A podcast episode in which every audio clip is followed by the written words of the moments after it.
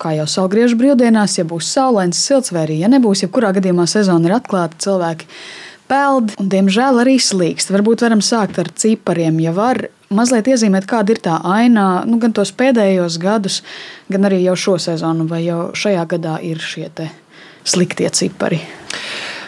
Nu jā, statistika mums rāda ļoti stabilu ainu slīkšanā. Tātad katru gadu vidēji noslīkst ap 130 cilvēku.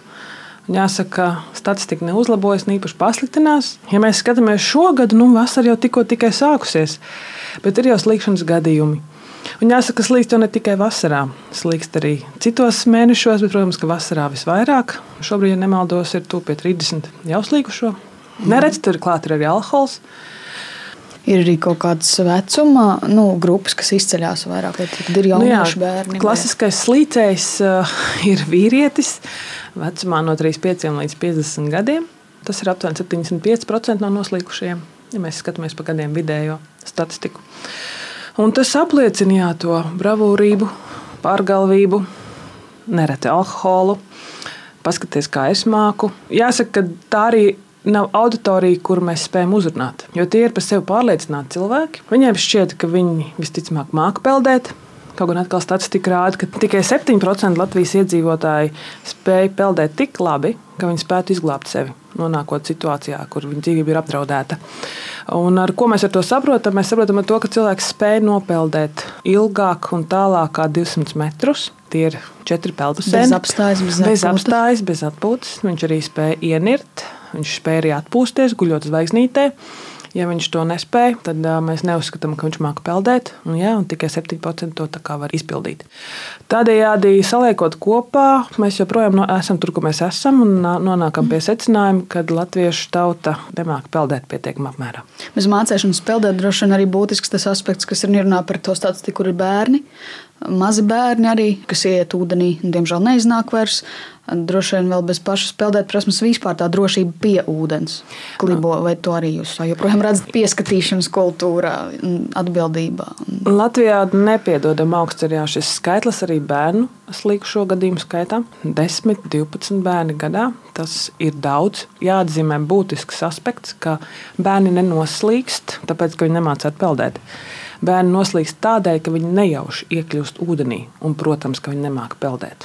Šeit mēs runājam par četrgadīgiem bērniem, vēl mazākiem kurš šķiet ir lielākais brālis, kuram seši gadi ir pieskatījis mazāko. Protams, ka par pieskatīšanu to nevar nosaukt, bet nokļūstot ūdenī, bērns nesaprot, ko darīt. Un, protams, arī tik mazam nevar iemācīt, kā viņam mm. būtu jāuzvedas, lai viņš no ūdens izkļūtu. Šeit ir simtprocentīgi vecāka atbildība.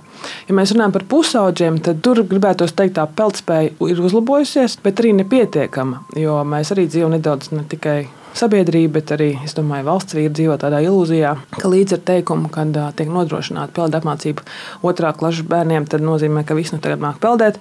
Jāsaka, ka veicot arī tur izpēti sadarbībā ar Peldēšanas federāciju un Sabiedrības integrācijas fondu atbalstu, mēs secinājām un redzējām, ka viena ceturtā daļa no visiem skolēniem vispār peld otrklasniekiem, un tad vēl viena ceturtā no tiem visiem vienas ceturtās daļas peld to tādā kvalitātē, ka mēs varam uzskatīt, ka viņi ir iemācījušies peldēt. Šo jūs veicāt pirms šīs sezonas? Sezonas vai agrāk? Vēl tas atpakaļ. Mm. Nu, jāsaka, ka tā Covid periods vispār ir kritiski iezīmējies.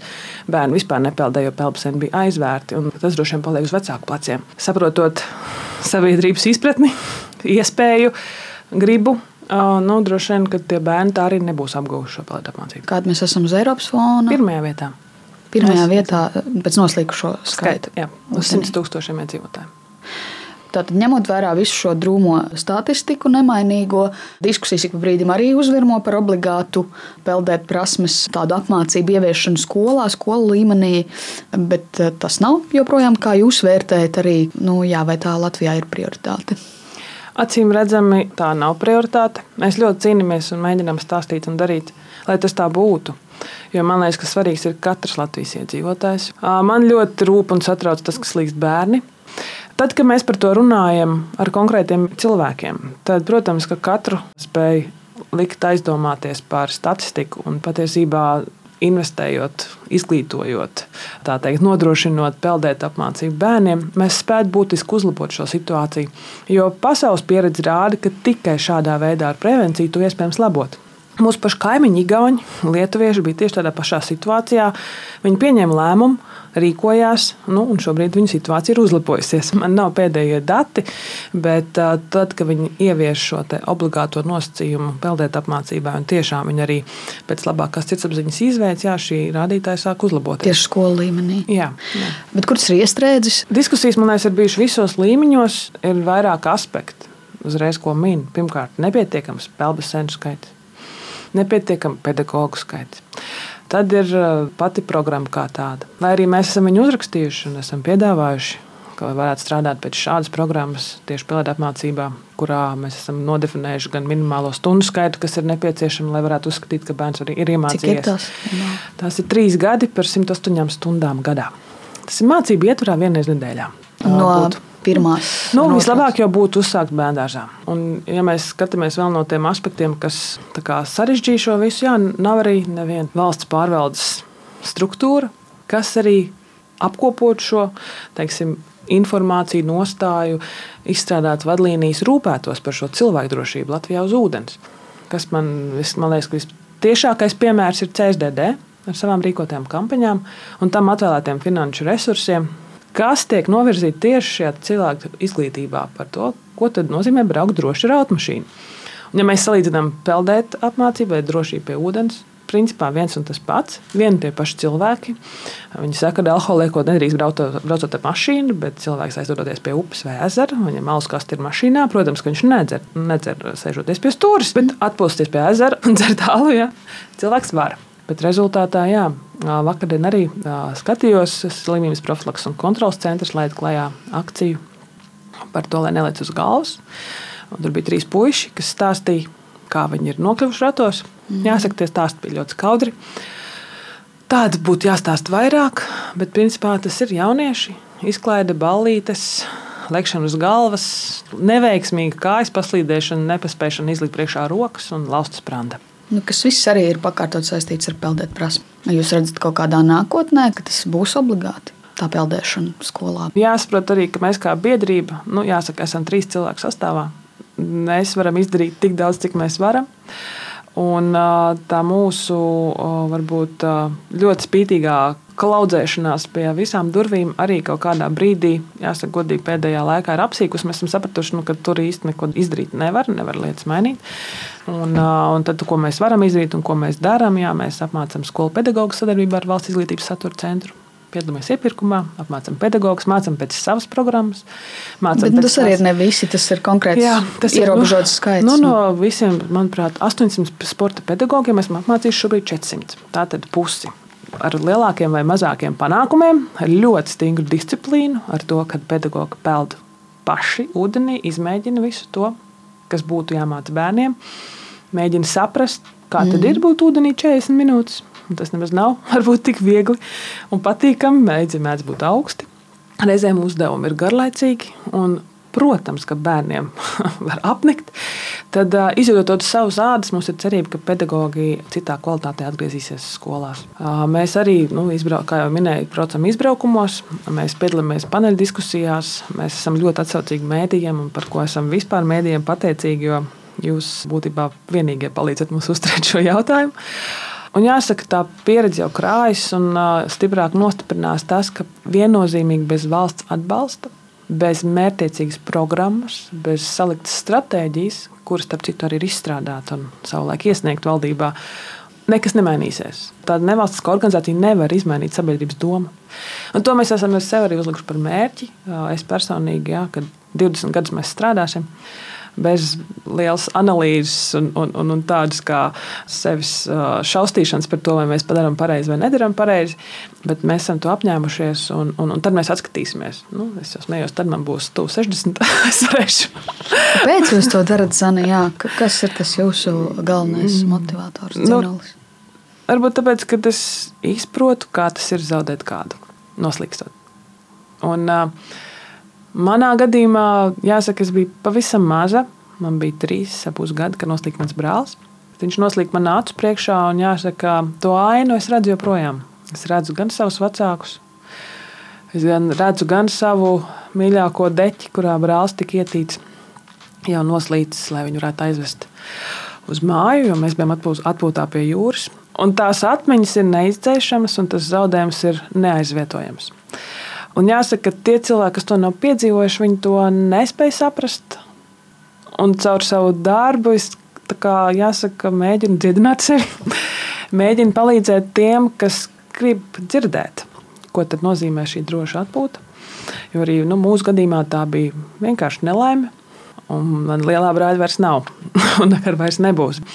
Un tas arī ir tas mans iekšējais spēks un dzinums, kāpēc es to daru un kāpēc arī es neesmu domājis pārstāt to darīt. Jo, nu, ja man ir dota šī iespēja palīdzēt latviešiem, kur mēs neesam īpaši daudz, un jāsaka, es esmu ļoti liela patriota, tad uh, tas arī ir tas, kāpēc es to daru. Kāpēc mēs ar mani jaunāko brāli to darām un uh, neapstāsimies. Vēl varbūt noslēgumā varam mazliet iezīmēt, vai ir kaut kādi tādi labākie ieteikumi, labākā formula, par ko aizdomāties, ejot ūdenī un jau esot ūdenī. Peldēt apmācību un peldēt prasme ir tas, kas prevalē visam pāri. Bet tas, ko vēl var ņemt vērā, īpaši ģimenes dodoties atpūsties, izvēlēties peldvietas, kas ir drošas. Peldvietā ir glābējs, krasts ir līdzens, nav liela straume, nav aizaugusi, nav akmeņi, koki, kur jūs varētu nezinu, nejauši uzdurties, ieķerties, peldot nejauši zālēs. Jo jebkāda šāda mazā lietiņa var radīt paniku. Tajā brīdī sākas ļoti pastiprināta elpošana, ja, un var sākties slīkšanas epizodes. Otra lieta - vienmēr peldēties kopā ar kādu. Nekad. Ne bērns, ne pusaudzis, ne gados, ne jauns, ne vecs, ne vīrietis, ne sieviete. Nedoties peldēt vien. Un, ja jūs dodaties ar kādu, vienmēr pasakiet. Nereti mēs redzam to, ka vecāki atpūšas, lasa telefonu, grāmatu, vienkārši sarunājas, un bērni ir kaut kur aizdevušies, nepasakot. Bērniem ir jāiemācās tas, kad īpaši pie ūdens atrodoties, viņi teiksim, saka, mamma, es gribu doties peldēt. Un tad mm -hmm. mamma, ko dara, mamma saka, nevis ej un turpina lasīt grāmatu, bet mamma saka, ejam, pieceļas un dodas kopā ar bērnu. Tad trešā lieta ir, ja nav šī peldspēja, izvēlieties peldvestes. Un īpaši mm. bērniem, ja jūs ilgstoši atrodaties pie ūdens, un, ja mēs runājam par ūdens transporta līdzekļiem, tur viennozīmīgi visiem ir jābūt peldvestēm. Un nu, ceturtais, nelietot alkoholu, jo tad zūd modrība, koncentrēšanās spējas, arī pašam spēja rīkoties apzināti ja nu gadījumā pēc arī kaut kas notiek. Pēc vienas glāzes vīna iedzeršanas, jā, tiek šīs bremzes nedaudz atlaistas, fokus un koncentrācijas spējas zūd. Un viennozīmīgi, ja jūs esat lietojis alkoholu, neiet ūdenī un atturat blakus esošo ja, no šādas rīcības. Ja, kā pēdējais, es gribētu aicināt sabiedrību būt līdzatbildīgiem. Ja jūs redzat, ka jaunieši trako pie ūdens tilpēm, ja jūs redzat, ka tā mamma neskatās, ko viņas mazā meitiņa dara, ja jūs redzat, ka vīrietis dara alkoholu, atveldzēties dodas jūrā aizrādiet. Iespējams, jūs izglābsiet dzīvību. Un nesat vienaldzīgi. Un cilvēki jau mēdz noslēgt mūsu acu priekšā. Mēs pat to nepamanām, neredzam. Mēs tikai izsaucam glābējus, tad, un kad sekas. viņi jau vairs nav. Bet kas notika mirkli pirms, neviens jau pat īsti nevar pateikt.